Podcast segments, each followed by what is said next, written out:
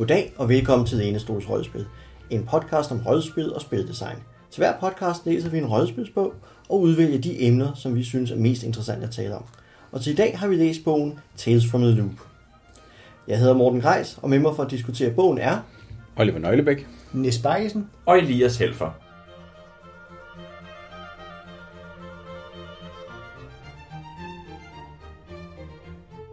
Oliver, vil du give os et, øh, en kort præsentation af, hvad det er, vi sidder med her mellem fingrene? Ja, det vi har her er noget så dejligt som et øh, svensk rollespil, udgivet af Fria Ligaen, eller Free League, som det hedder på engelsk, øh, når de udgiver på det, på det sprog. Det er et øh, scenarie fra, eller spil, spil fra 2017, udgivet som den tredje del i deres serie af ting, der startede med øh, Mutant Year Zero i 2014. Der er et remake af en gammel setting fra 84 med et nyt system, som så går igen i de andre her. Og i 16 lavede de Coriolis, som er et øh, sci-fi øh, setting, som bruger næsten, men ikke helt de samme regler. Og så her Tales from the Loop i 17, og så kommer der i næste år kommer Lost Lands, som er, vi er spændt på at se, hvad det kan. Øh, i det. Og det er sådan et af de her gode, solide post-indie-spil, tydeligvis inspireret af nogle af de ting, øh, der er kommet ind efter, efter traditionelle rollespil. Og det sjove ved den her er jo, at den er baseret på en visuel øh, kunstner, Simon Stollenhag, som laver de her enormt stemningsfulde øh, billeder af, af en 80'er, der aldrig fandtes, øh, med robotter og dinosaurer og andre sjove overnaturlige ting øh, i den, men sådan helt nede på jorden øh, stemningsmæssigt. Elias, kunne du ikke tænke dig lidt at fortælle os om, hvad der så sker, når vi nu åbner bogen og kigger ind i? Jo, det kan du tro. Det vi sidder med er jo sådan en lækker, øh, tyk hardcover-sag her. Øhm, som øh, på, på 200 sider, og det er altså sådan en rigtig lækker papirkvalitet og rigtig illustreret, netop så de her billeder kan komme til deres ret. Og det man spiller, det er, at man spiller kids, altså børn, i øh, det her område på nogle øer ud for Stockholm. Øh, og på, den her, øh, på de her øer, der har man bygget sådan en accelerator, og den får mærkelige ting til at ske. Og øh, der er noget storpolitik, det er jo i 80'erne, det er så, under den, så det er under den kolde krig, så der er noget med amerikanere og russere og ting og sager, og der er noget med øh, robotter og, og mystiske stråler, og, og øh, ikke sådan hovercraft, men magnetroniske øh, luftskibe. Og, så der er sådan en masse tekniske ting, der er sket, og, og som de her børn går på opdagelse i. Men når de ikke er på opdagelse, så er det ellers sådan, at øh, deres hverdag er trist og kedelig. Så det er et spil, der meget øh, understreger forskellen imellem den kedelige hverdag og de spændende, men også lidt farlige eventyr, man går på. Så det vi har, det er altså, at vi har nogle regler for at lave de her kits, som øh, skal være mellem 10 og 15, og det er faktisk sådan i samme øjeblik, de fylder 16, så øh, skal man ligesom pensionere sin karakter og lave en ny. Og de kan være i forskellige øh, karakterklasser, som i det her system er sådan øh, nørden og rockeren og øh, sports, den sportsglade og så videre. Så er der meget fokus på det her med, at man spiller de her børn, og så er der nogle guidelines til, hvordan man laver nogle mysterier, altså nogle scenarier, som de her børn kan gå på udforskning i. Og der er også nogle eksempler på nogle scenarier i bogen, og dem tror jeg, vi kommer lidt nærmere ind på senere. Det kunne jeg forestille mig, vi gør.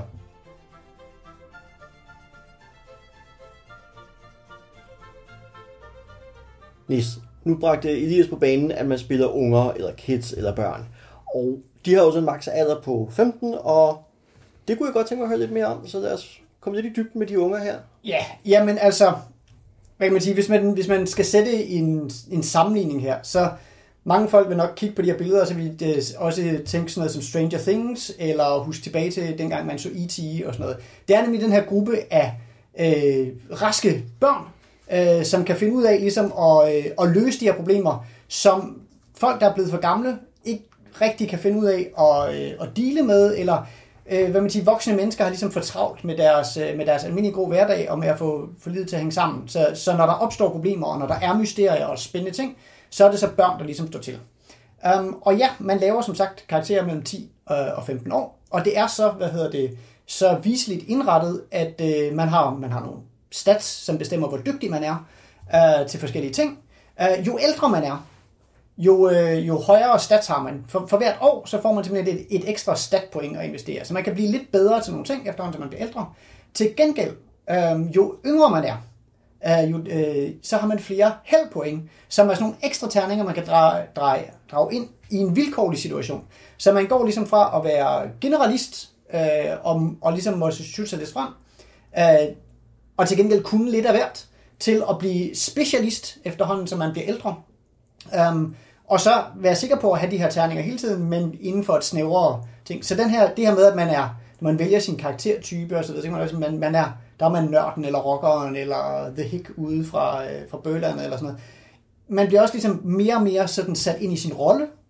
Altså, man, man graver sig mere og mere ned i den her grøft, som, som man nu er i, og som karakter. Sådan. Så på den måde, så med sådan meget enkle øh, regler, så siger systemet i virkeligheden ret meget om, øh, hvad man siger, om det syn, det har på, på børn, og, øh, og hvad kan man sige, og, og hvad man siger, den magiske periode, man er i der. Også, hvad man siger, vi stopper jo, inden man sådan rigtig er blevet, blevet teenager, ikke? Og sådan, altså man, man, man bliver voksen, når man når den seksuelle lavalder nærmest. Ikke? Altså man, kan, man kan lige nå der i 15 måske, og have gang i et eller andet. Um, men, men så forlader man ellers øh, systemet øh, til de voksnes rækker, um, når, når, når det sådan for alvor går i gang. Og sådan noget. Det, det synes jeg er sjovt. Um, og hvad hedder det? Og en anden ting, som det også siger, det er jo også, hvad man siger, det var ikke meningen, at tiden skal gå i det her spil. At det er, hvad man siger, det er ikke meningen, at man spiller alle sine eventyr, det er i hvert fald ikke sådan, som jeg læser systemet, på et år. Øhm, det ved jeg ikke, hvordan, hvordan jeg... Altså, det er ikke sådan en... Altså, men det er netop den her med, at man laver et eller andet. Den her, den her sommer, der skete der de her ting. Så sker der måske noget om efteråret. Men så mødes man først igen næste sommer, hvor man har fået, haft en fødselsdag. Man er blevet lidt ældre, man er gået op i en stat, man har mistet noget held. Er man på vej til at blive for gammel til at være med?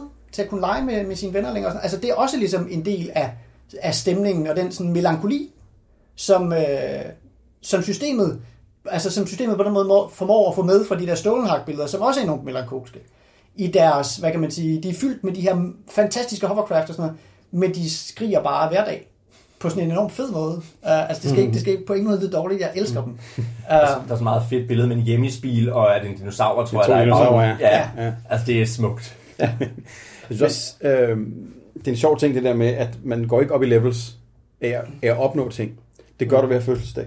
Mm. Altså, din, din karakter ændrer sig ikke uh, så meget efter eventyrene, som, som det er fødselsdagen ændret på det. Du får Nej. nogle XP, og så kan du bruge 5 XP på at, øh, at ja, få man, kan, man kan, der, er, hvad man siger, der er ligesom et sideløbende system med nogle specialiseringer og sådan nogle ja. ting. Og ja, dem, dem kan man få som XP, sådan så man kan få noget ud af det, som man ja. uh, har lært det. Men men ja, der er sådan ligesom, altså man, man dinger i høj grad på sin fødselsdag. Ja, det der altså. synes jeg er sjovt i forhold til. Ja, lige præcis, fordi det er jo også det, altså de scenarier, der er i, i bogen, er jo netop koblet sammen som minikampagner. De strækker sig netop over et år, over fire år der er fire scenarier, der, og det tager simpelthen et år at spille dem igennem. Så det er et helt, helt andet tempo, end de scenarier, man normalt er vant til at se. Uh, hvor jo, hvis det havde været Dungeons Dragons, så havde eventyr kunne nå fra level 1 til level 20 hen over en måned, en uge eller 20 år, alt efter den skala, man sætter i. Men, men det virkede ikke usædvanligt, at et, i andre rollespil kan man level op meget hurtigt, nærmest.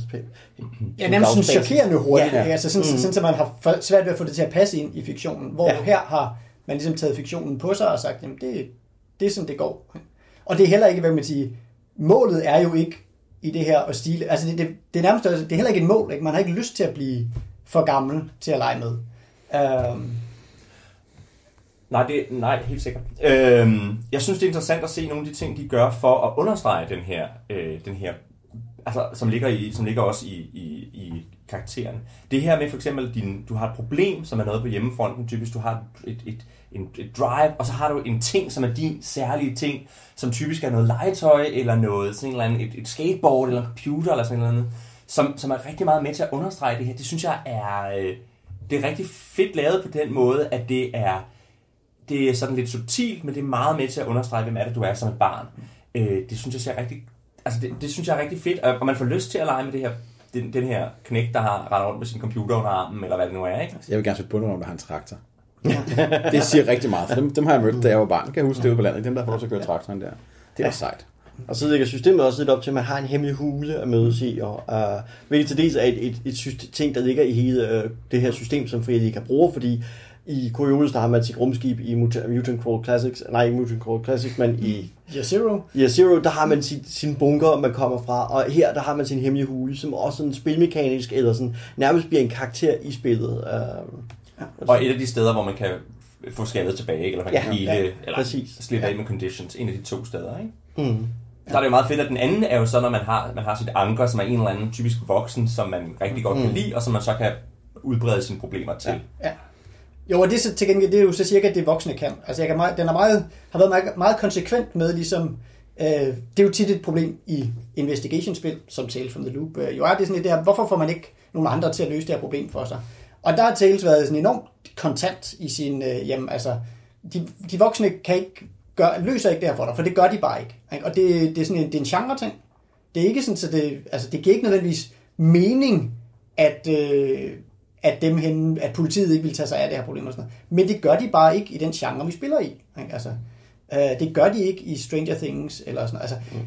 Der er så faktisk, at hvad man siger, til forskel fra de 80'er film, som det måske refererer til, hvor de voksne vidderligt var idioter, så er der sådan lidt i de nye film kommet sådan lidt med, der er de der voksne, der kan finde ud af at ikke nødvendigvis at være børn, men at forstå børn. Mm. Ja, dem, som stadig bærer sådan noget, noget barnligt i sig, eller sådan ja. en forståelse for børn, ja. Um, og det er så dem, der i Tales kan, ligesom kan tjene til at netop være, at trøste øh, og opmuntre, eller, eller hjælpe med nogle kluse og sådan nogle ting og sager, men de kan ikke løse problemet. De kan aldrig løse problemet for, for dig. Um, og det synes jeg er meget fint. Bare, mm. bare trække det som en linje i sandet og sige, ja. det, det, det er den genre, vi spiller. Mm. Jeg husker det, det minder mig lidt om, da jeg var barn, der læste Enid Blyton, som skrev De Fem. Mm. Altså, mm. hvor der også var, der var, der var en af dem, der havde en far, som var professor, og han var sådan set kompetent nok, eller det var han ikke, men han var, han, han troede sådan set godt nok på dem, han, han var bare for inkompetent til, at, til rigtig at kunne hjælpe dem med noget, ikke? det er lidt det, det der med, at der er nogle voksne, som ikke tror på dem, og de voksne, der tror på dem, de, de kan ikke finde ud af at træde til. Jo, eller de har travlt med reelle voksne ting, ja. som, altså, at, at selvom det er noget lort, at, man, at de skal gå på arbejde, sådan, så, så er det der trods alt også, at man har et hjem at komme hjem til som regel, og, og sådan nogle ting. Altså. Hvilket bare, det, det er bare sådan lidt kedsommelig baggrund, når man er barn, så derfor giver det ikke rigtig nogen credit. Men, øh, men jeg vil sige, man kan godt spille det sådan lidt mere varmt, end ja. det nødvendigvis. Mm at det synes jeg, man kan vinke til de forskellige retninger der. Altså, jeg tror bare, at det grundessensen er jo den der genre-definition om, at de voksne kan ikke komme ind og overtage sagen. Politiet dukker først op, når skurken ligesom er afsløret ja. og så videre, og vi skal bruge nogen til at pågribe ham, fordi vi er stadig ja. børn mod voksne og så videre. Ikke? Så, så, så det, på det tidspunkt dukker politiet op, og de, for, de voksne kommer rendende og videre. Ikke? Altid sådan i slutscenen, når ting ligesom er løst, og nu skal de voksne verden tage over, fordi børnene kan jo ikke fængsle en skurk der går det vi over i det voksnes verden, ikke? og det, det jeg synes, den ligger meget op til, at det er her, vi runder af historierne. Men omvendt så lægger det også lidt op til, at mange af mysterierne er sådan, det er sådan noget, hvor, hvor de voksne tænker, ah, men der er jo en naturlig forklaring på det der, altså at det er sådan nogle mysterier, hvor det kun er børnene, der lægger mærke til at sige, hov, det der, det passer ikke. Ja. Og hvor de voksne så vil afvise det og sige, men altså sådan er det bare, eller vi kan ikke gå ind og blande os, eller hvad det nu kan være. Der er ikke dinosaurer ude i skoven. Nej, det er der godt nok ikke. Det skal du ikke, de fantasi løber væk med dig, ikke? Mm. Ja, præcis.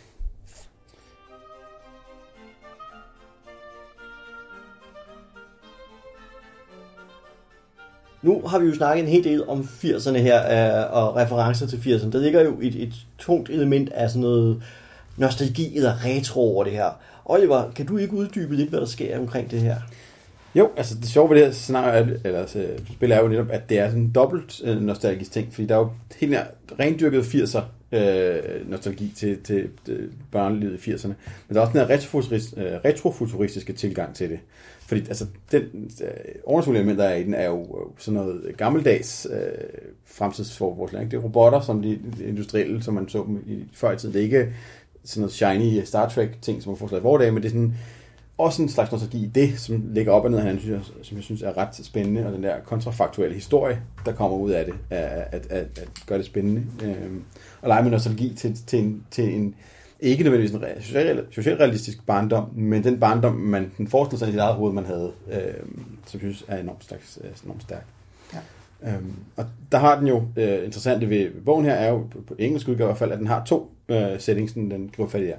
Der er den originale svenske setting, som foregår i det her Malerøerne uden for øh, Stockholm, og så er der jo en amerikansk setting, som foregår i øh, Boulder City i øh, Nevada, tror jeg det er. Øh, som er sådan en, en parallel, hvor man hvor de har, øh, flere steder har de skrevet sådan parenteser med amerikanske. Ja, det, ja, det, det er meget elegant, når de laver deres scenarier og sådan noget, at så er det ligesom sådan, at hvis man spiller den svenske udgave, så møder man Jøsta eller et eller andet, og i den amerikanske udgave, så står der simpelthen bare, at der hedder han George. Ja. Og så er der nogle kort for begge steder, som, øh, med ting pløjet ind, så man kan forestille sig, hvordan tingene er. Sådan det. det er meget elegant gjort. Øhm, men der er sådan en, en kvalitetsfor, eller altså kvalitetsfor, men en forskel i stemningen, når man læser noget svensk øh, nostalgi, som er tættere på en selv som dansker, og så det der over i USA. Øhm. Det kan godt være, det jeg er forudindtaget, men jeg synes, der er en kvalitetsforskel. Ja. Altså, jeg, jeg, jeg, jeg, jeg synes godt, man kan mærke, at dem, der har lavet det, de har hjertet i maleren, og ikke i Boulder. Ja. Altså, Boulder er en efter, eftertanke, som handler om, at det også skal kunne sælges på det amerikanske marked. Ikke? Det er i hvert fald det er min vurdering. Ikke? Jo, også, altså igen, maileren fungerer bare bedre. Altså, beskrivelsen af, hvordan der så ud i 80'erne, er jo ting, jeg husker fra min egen barndom langt hen ad vejen. Ikke? Altså, det er jo ting, man sidder og siger, Nå ja, og det kan jeg også godt huske, og det er rigtigt, sådan var det jo også, og mm-hmm. sådan var det jo over i Sverige, men det er anderledes i Danmark.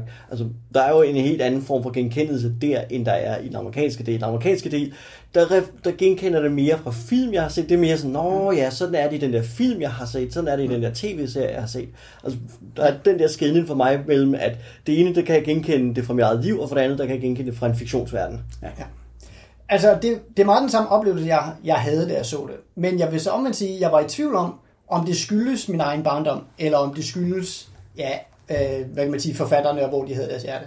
For hvis man kigger på Stålenhaks kunst, så har han jo lavet værker, der tydeligvis var sat i sådan et tørt USA eller andet ja. sted. Altså, om det lige var Boulder og Nevada, det var svært at sige ud fra. Men altså, han, hvad man siger, kildematerialet leverede begge slags billeder. Ikke? Altså, det er ikke på den måde uærligt, at Nej, de har opfundet en, en, en amerikansk udgave, synes jeg. Um, men jeg har bare svært ved netop at, altså jeg har svært ved at genkende mig selv i det, um, og derfor taler, taler det svenske klart også mere til mig. Ja, altså for mig så bliver det nok også med det svenske, at Mederen bliver for mig et, et sted, der faktisk findes. Altså et, et, et, et historisk sted, et, et sted, som jeg sådan, der kan tage ind. Boulder City bliver jeg ved med at læse som en fiktiv by, altså som et, et standard ja. amerikaner der, der er bare sådan, jamen, der ligger jo de der talrige byer der, ingen ved, hvad de hedder. De er vel ingen, er jo altså man er jo ligeglad med dem. Man bruger dem jo bare til et, et shorthand for moderne sted i den vestlige verden. Um, ja. så, så jeg bliver ved med at læse Boulder City som et fiktivt sted. Jeg ved faktisk ikke, om det findes eller ej. Men, Det gør det, Ja. ja. nok. Ja. Men, men maileren, nå, den, den slet ikke i tvivl om. Den findes, men den anden her, den, den bliver ved med at, at få et indtryk af, at det er jo bare fiktivt, for det er bare USA.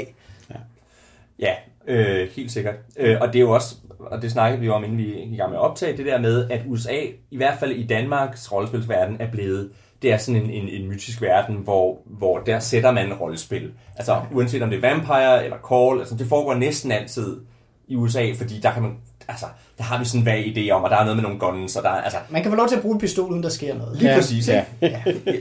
og der er ikke, der er ikke så, der, altså jeg tror også, det handler om i virkeligheden, at Danmark og Sverige er så, øh, så kontrolleret på en eller anden måde, at i, i USA, der kan man have FBI-agenter og CIA-agenter, der skyder på hinanden, og man kan have Mulder og Scully, der går ud, altså der er ligesom lidt mere vildt vesten selv i, øh, selv i moderne setting i USA, end i, i Danmark, hvor man tænker, prøv at forestille dig ude i, hvad ved jeg, i Ringkøbing, hvor jeg er fra, altså der, der der, der, altså, der er ikke meget plads til øh, aliens, der lander, og, eller, eller dinosaurer, eller ting og sager. Vel? Der er ligesom...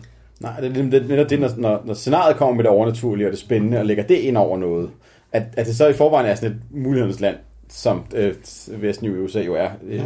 som vi snakker om her, ikke? så virker det bare ikke nær så, så spændende, at der er lige pludselig dinosaurer og robotter, fordi øh, det har vi spillet mange gange, at det sker i USA nærmest. Ikke? Men når det lige pludselig bliver i, i, i nabolaget, ikke? der hvor man har været på, på hyttetur som barn i, i Sverige, så er det noget helt andet. At, ja. øh, Ja, det, det er nemlig, og det synes jeg gør nostalgien meget sjov. Ikke? Altså, hvor, fordi det driver jo af ja, 80'er patos, og det var min egen barndom. Jeg er faktisk lidt spændt på, hvordan det her spil vil blive opfattet af nogen, der ikke er vokset op i 80'erne. Ja. Um, men, um, nå, men det ville være et tidsspring. Så, uh, men det jeg, synes, er, det, det, jeg synes er sjovt, det er, at med alt det her 80'er noget, jeg har ikke noget problem med at forestille mig en robot i min egen barndom.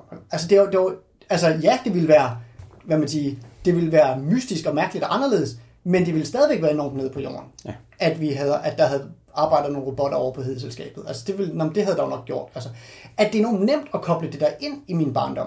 Jeg har også, altså jeg var også på landet, ikke? Når der kom, det her med efteråret, når der kom de der store majtasker og ordnede øh, hvedemarken, der stod foran vores vindue, lige uden for mit soveværelsesvindue.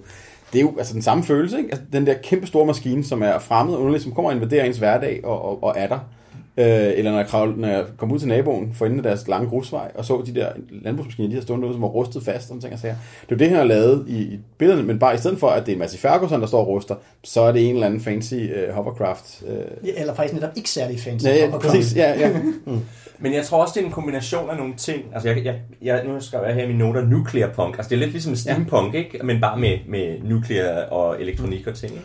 Men, men altså, at, at det er det der med, at en kombination af de idéer, man havde dengang om, hvad science fiction kunne bringe. Jeg har set sådan nogle, jeg kan huske, dengang så så man nogle af de der billeder af, hvordan ser fremtiden ud.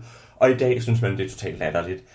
Men det er lidt nogle af de ting, der så er importeret til 80'erne her. Ja. Ja. Ikke? Nogle af de der ting, som man troede, der ville komme. øh, tænker jeg. Øh, Jeg kan jo enormt godt lide udtrykket nuclear punk, vil jeg sige. Også fordi det, det minder mig om det, altså noget andet, som sådan var for mig, øhm, sådan mærkeligt trygt dengang. Det var, det var sådan det der med at leve i paddehatte skyens skygge. Ja. Ikke? altså, at ja, ja, det, altså, det var jo forfærdeligt, men det var også bare ligesom, jamen så, så vidste man det. Ikke? Man vidste ligesom, nå okay, de var, de var lidt nogle, de, de dumme, dem, de der russere, som måske bombede os, og hver onsdag, så hørte man så lige en alarm om det og sådan noget, men man vidste, det var der, og det var ligesom, det, det skabte nogle, nogle sikre, nogle faste rammer i hvert fald. Jeg vidste, hvordan verden ville slut. Ja. Der var ikke alle mulige muligheder for det. Det var en eller tidspunkt, så er nogen trykker på en knap, og så er det slut. Og så, ja. Mm.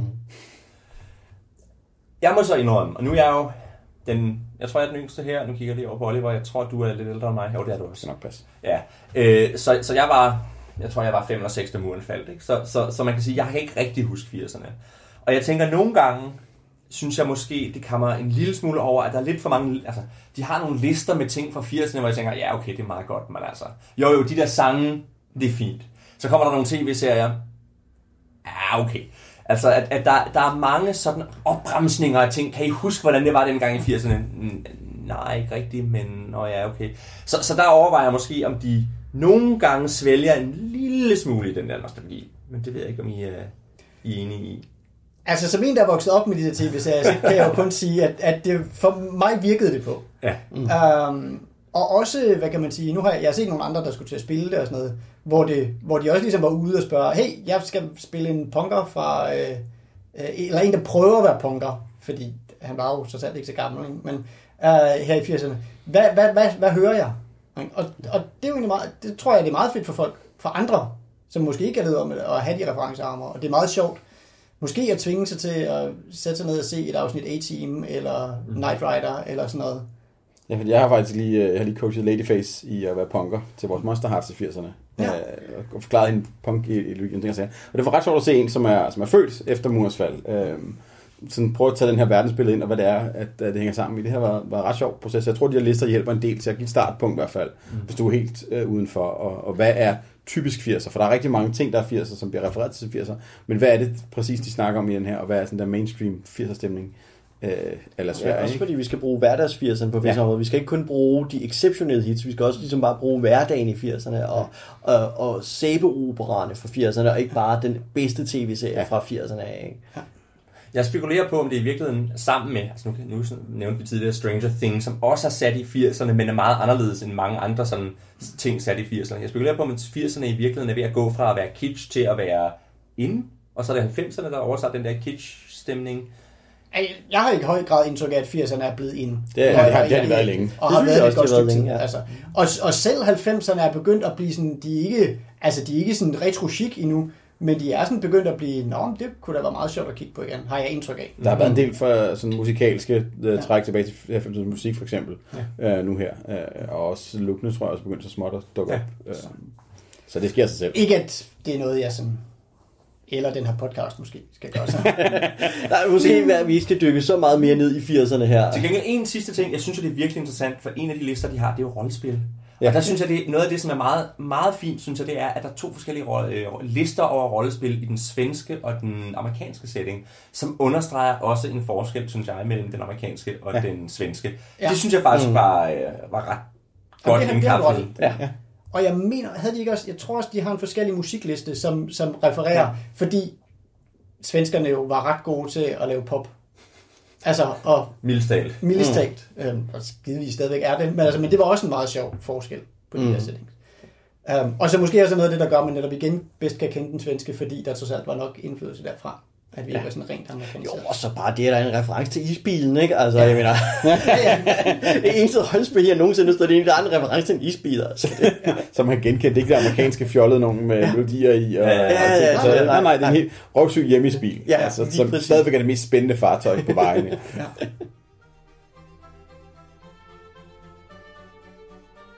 Vi nu har vi været en hel masse rundt om nostalgien og 80'erne, øhm, men hvad er det så, når man har lavet de her børn og plantet dem i 80'erne, hvad er det så egentlig, vi spiller? Hvad er det her for noget, de går ud og gør?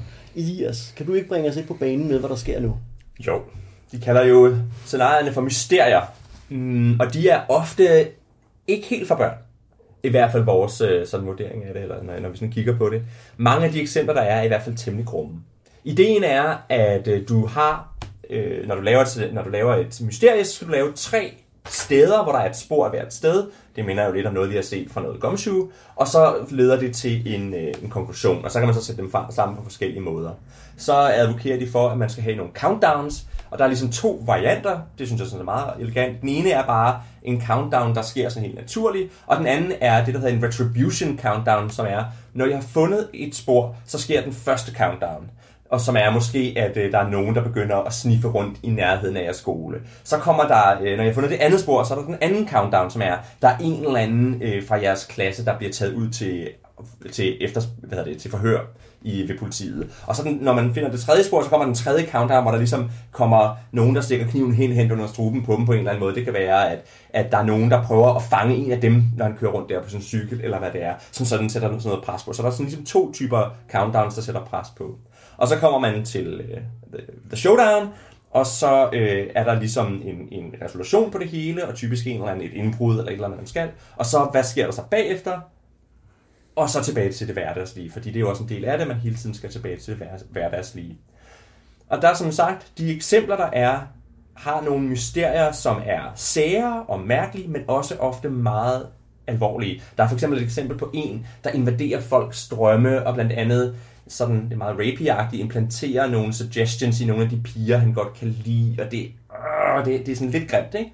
Øh, uden at være sådan decideret seksuel, så er det stadigvæk sådan lidt... Øh, det er ikke særlig rart, og det har nogle, nogle toner, som jeg tænker, jeg som voksen ville synes var interessant at spille, men jeg vil aldrig nogensinde tage det ud til min efterskole, eller ungdomsskole, som jeg havde for, for, for 10 år siden, vel? fordi det var alligevel, ah, det er alligevel lidt for, øh, lidt for voksen til, mm-hmm. til dem, tænker jeg. Eller i hvert fald på kanten, ikke? Ja. Jo. Jo, og det var, også, det, det var en af de ting, som jeg sådan ligesom, hvor man kan sige, at ja, på, på bogen er der naturligvis et stålenhak billede af nogle børn, der står og kigger på nogle reaktorer og sådan nogle ting, jeg sagde. Og da jeg kiggede på det her spil, og der ligesom tog det til mig, først læste jeg børn, det var præcis, hvad jeg havde forventet. Og så havde jeg ligesom inde i mit hoved hele tiden E.T. og Goonies og nogle af de her 80'er film om sådan nogle børn. Og det er altså knap så hyggeligt som de film. Altså vi er mere over i Stranger Things og, øh, og The Dark og sådan nogle ja. ting, jeg sagde, mm. som, hvad kan man sige, som er den her slags historier, men nu er, hvad man sige, dem der så de historier i 80'erne jo blevet voksne, så nu fortæller vi voksenemner. Altså, så det, det, det er i høj grad, ja, det er et spil om børn, men det er for voksne. Um, og det var sådan lidt en overraskelse, da jeg begyndte at læse. Ja, mm. ja der er sådan ja. en ret grim retro. Og... Jeg synes, den er, den, den, den, den bliver meget mørk nogle steder. Altså, jeg, jeg, jeg, jeg har ikke lyst, at jeg misser lidt lysten til at spille de her øh, børn, når nogle, nogle ting, de bliver udsat for i forhold til, hvad det er. Ikke? Altså, ja. øh, øh, sådan, altså, øh, fugle har fået udbredt ting ind i hjernen, og, øh, og, og og lige der ligger og blevet henrettet ude i skoven, sådan ting, jeg det synes jeg er meget voldsomt. Altså, øh, jeg synes, det går grænsen, fordi altså, finde døde mennesker, der er en helt film om, der hedder Stand By Me, som er enormt spændende, og handler om, hvad sker der med børn, når de ser døde mennesker ude i skoven, og den slags ting. Og det der er bare ikke rigtig sådan, virker ikke til scenariet rigtig tager rum omkring de her traumatiserende oplevelser for børnene, og hvad det rent faktisk betyder for dem, at de kommer for de her ting. Og det, det synes jeg bliver sådan lidt, øh, der, der, er lidt hul der, som jeg har, svært ved at forholde mig til, øh, mellem hvad, hvad det vil og hvad det gør. Jo, men altså det er rigtigt, at de netop, de måske lidt har glemt, at det i virkeligheden er nok som bare, bare at finde et liv. Mm. Også fordi, at, hvad skal jeg sige, noget af det, du jo også lægger op til, er jo, at der er også problemer hjemmefronten. Der er jo flere af de eksempler med deres færdigheder og karakterer, der lægger op til, at mor og far er i gang med en skilsmisse, eller mindst en af forældrene har et alkoholmisbrug, eller at den ene af dem er psykisk syg. Ikke? Altså, det er jo nogle ret hårde ting, der ligger på hjemmefronten, også som skal køre, ja. som man gerne sådan skal krydsklippe mellem, at nu går vi ud på det her drabelige eventyr.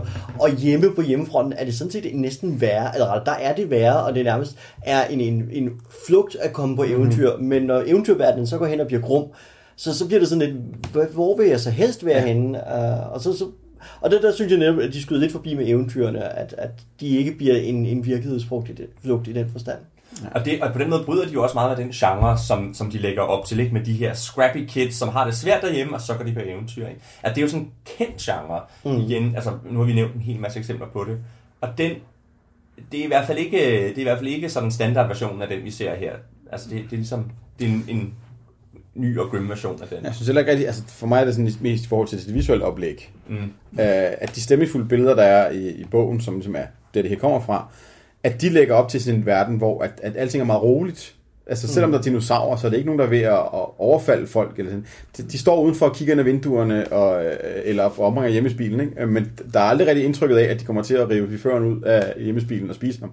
Så er der blodspår hen over landevejen, ikke? Men det er ligesom det, der er skrevet ind i den, ikke? Så vil hjemmesmanden blive spist sandsynligvis, hvis det var det, øh, den historie. Mm. Og det synes jeg sådan set, altså, det er ikke det, jeg havde forventet at spille, når jeg samlede bogen op. Jeg tror, hvis jeg skulle, skulle køre det selv, så ville jeg nok tone ned på mængden af, af, af grusomhed i den. Og prøve at arbejde mere med at lave jamen, så er det noget om at, at finde muligheder i de her øh, robotter og, og ting og sager, der er derude, og, og, og gøre dem mere centrale, og, og, og interaktion med dem, og, og det spændende i at lege med det voksnes teknologi. Øh,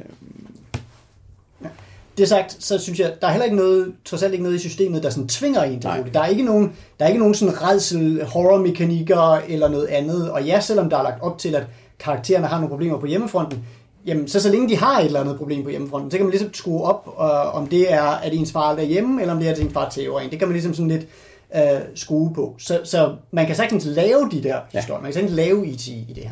Mm. N- Når så det er sagt, så synes jeg faktisk, det er nogle ret, altså det er nogle ret gode oplæg til at spille, de har lavet. Altså der, de har blandt andet, de har de der mysterier, som er sådan en, en enkelt aftenscenarie, men så har de også det, de kalder The Mystery Landscape, som er sådan en helt sted med en hel masse steder, man kan gå hen, og nogle ting, der så kan ske.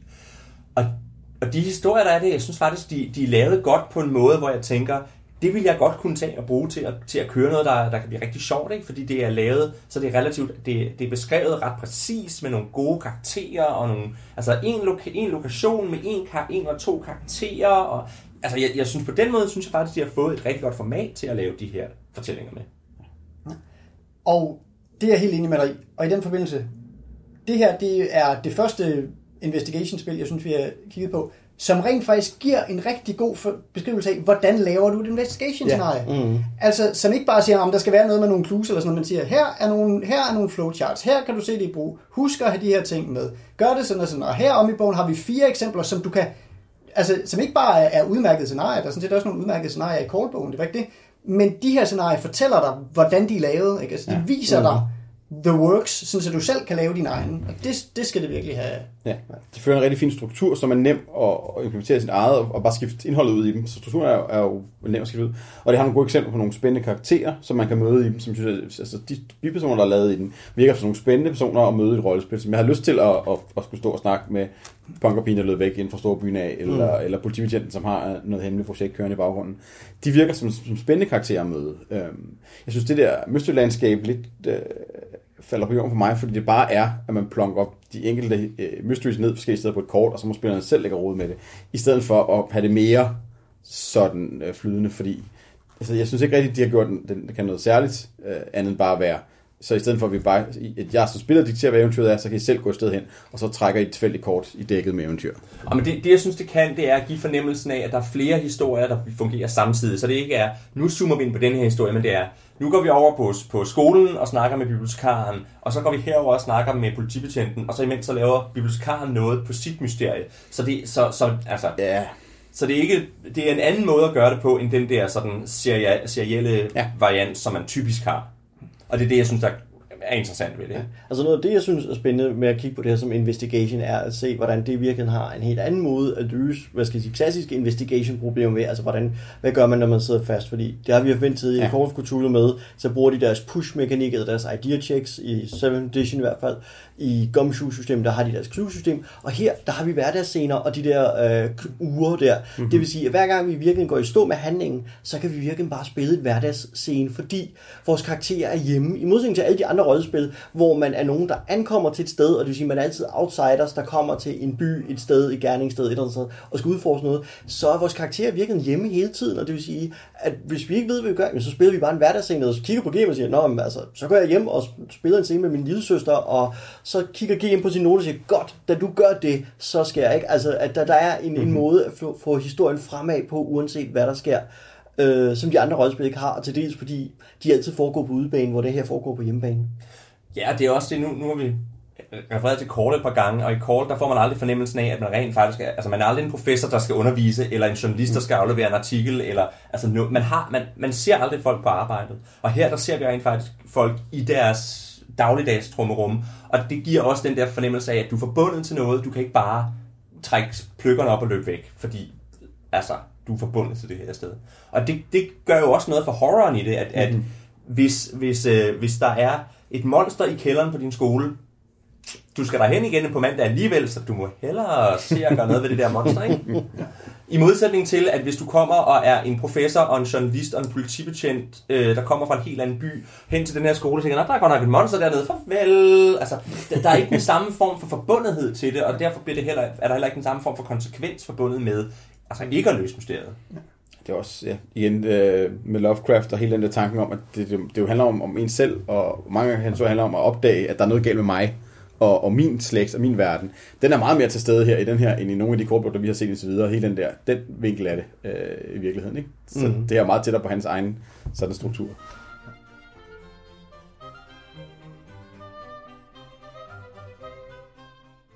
Nu har vi været en god tur rundt om uh, Tales from the Loop. Vi har været omkring emner såsom at spille børn, hvad der sker, når de bliver for gamle, at spille nostalgisk rollespil omkring 80'erne, investigate i den svenske ødemark med dinosaurer, robotter osv. Og så kommer så at sige det store afsluttende spørgsmål. Hvad synes vi så om Tales from the Loop?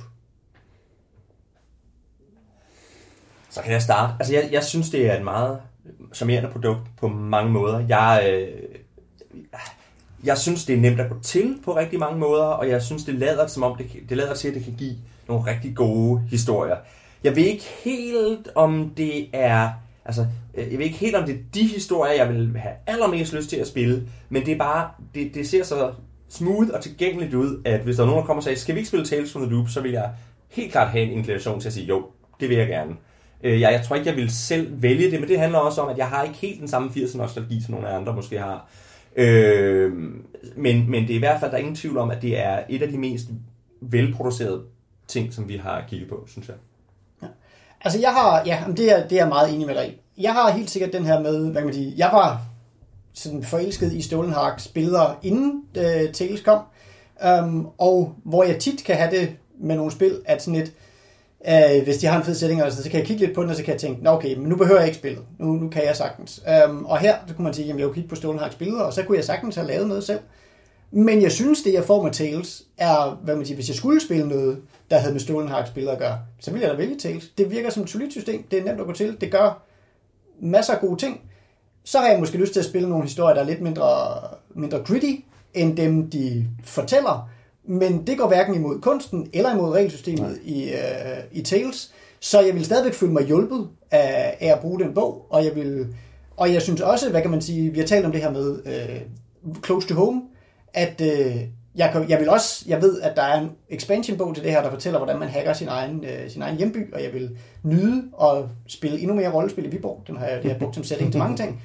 Um, men jeg vil faktisk også sige, at altså, den svenske setting er så tilpas tæt på, og tilpas ja. fremmed, til at jeg har, da, jeg har da lyst til at gå rundt på de der øer og, og undersøge dem. Um, så, jeg, så jeg får bestemt også noget ud af den der setting. Det er igen ikke sådan, at jeg har brug for at transplantere det hele for at, for at bruge bogen. Så jeg er og- meget imponeret faktisk. Jeg vil sige, jeg er positivt overrasket. Jeg, jeg var ikke med på det oprindelige Kickstarter-run, fordi jeg synes, det virker sådan lidt, og merchandise-stemning, og det, og det, jeg, Øh, hype, hype-angst. Øh, men nu her, hvor jeg har fået læst nogle ting, så jeg synes, at det, de har gjort med materialet, de har virkelig lavet et kærligt øh, system, som kan noget sig selv. Altså selv uden billederne ville det være et rigtig fint system. Øh, det ville ikke være lige så stærkt, når- men det, men det er noget i sig selv også stadigvæk. Det er stadigvæk, altså det er ikke bare noget pænt på billederne, eller noget spiller op på billederne. Det er, det er en rigtig god kombination, synes jeg, og jeg er så hugt på at lave noget med det. Øh, jeg oplever også, at, hvad skal jeg sige, at det her er en bog, der inviterer mig til at spille rollespil. Mm. At det her, det er noget, jeg får lyst til. Altså billederne, de vækker idéer, og systemet synes er givet lige præcis derhen, hvor jeg også, hvad skal jeg sige, det laver de karakterer, jeg skal bruge til at spille det. Det sætter, hvad skal jeg sige, systemet op til, hvordan jeg jeg håndterer konflikter og på måder, som passer ind i miljøet og stemningen osv. Og ligesom, hvad skal jeg sige, ligesom øhm, så vil jeg også file det gritty element af og spille Goonierne og E.T. Øh, med det system her. Men øh, det er virkelig også et system, jeg elsker at både at spille i op i den svenske maleren, og, og på Stævns, min hjemstavn, og, eller spille Christiane F. med det, og se, om man kunne slippe afsted med sådan en bizarre ting. Og så tænker jeg også i virkeligheden, at der er også nogle rigtig gode råd. Altså jeg tænker, hvis, nu, nu har vi kritiseret både Ashen Stars og Call of Cthulhu lidt for ikke at have en god guide til, hvordan man laver et mysterie. Så hvis man sidder med Call of Cthulhu eller Ashen Stars og tænker, hvordan, hvordan skruer jeg egentlig min historie sammen, så synes jeg, altså, så, så kan man godt transportere den måde og de diagrammer, de har her til, jamen du tager tre core clues, og så kan du organisere dem på den her måde. Og, altså, det, øh, det kan bruges i begge de to systemer til at lave gode scenarier. Som er mere dynamiske end de skrevne. Øh, gå fra punkt A til B, og så ja. sker der kun noget, når du flytter dig. Øh, ja. Jo, og, den der, og også det der med at bruge countdown clock som den synlige måde, altså fordi Cole vil jo også sige, ja, selvfølgelig gør øh, altså, øh, NPC'erne noget imens. GURPS kører sin fulde simulationisme, ikke? men Tales fortæller dig, lav nogle countdown clocks, der fortæller, hvornår de her ting skal ske. Så du netop ikke skal køre den fulde simulation ind i dit hoved, for at finde ud af, hvad en patient er. At, ja, god råd. Mm. Mm-hmm. Og det synes jeg også, at, at countdown clocks og mange af de andre ting, er ting, de har taget andre steder fra, og så raffineret dem, så de kører rigtig smooth. Ja. ja.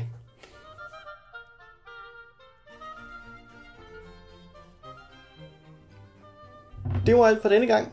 Hvis du vil kommentere på dagens afsnit, eller du bare gerne vil sige hej til os, kan du finde os på lænestolsrøgspil.dk.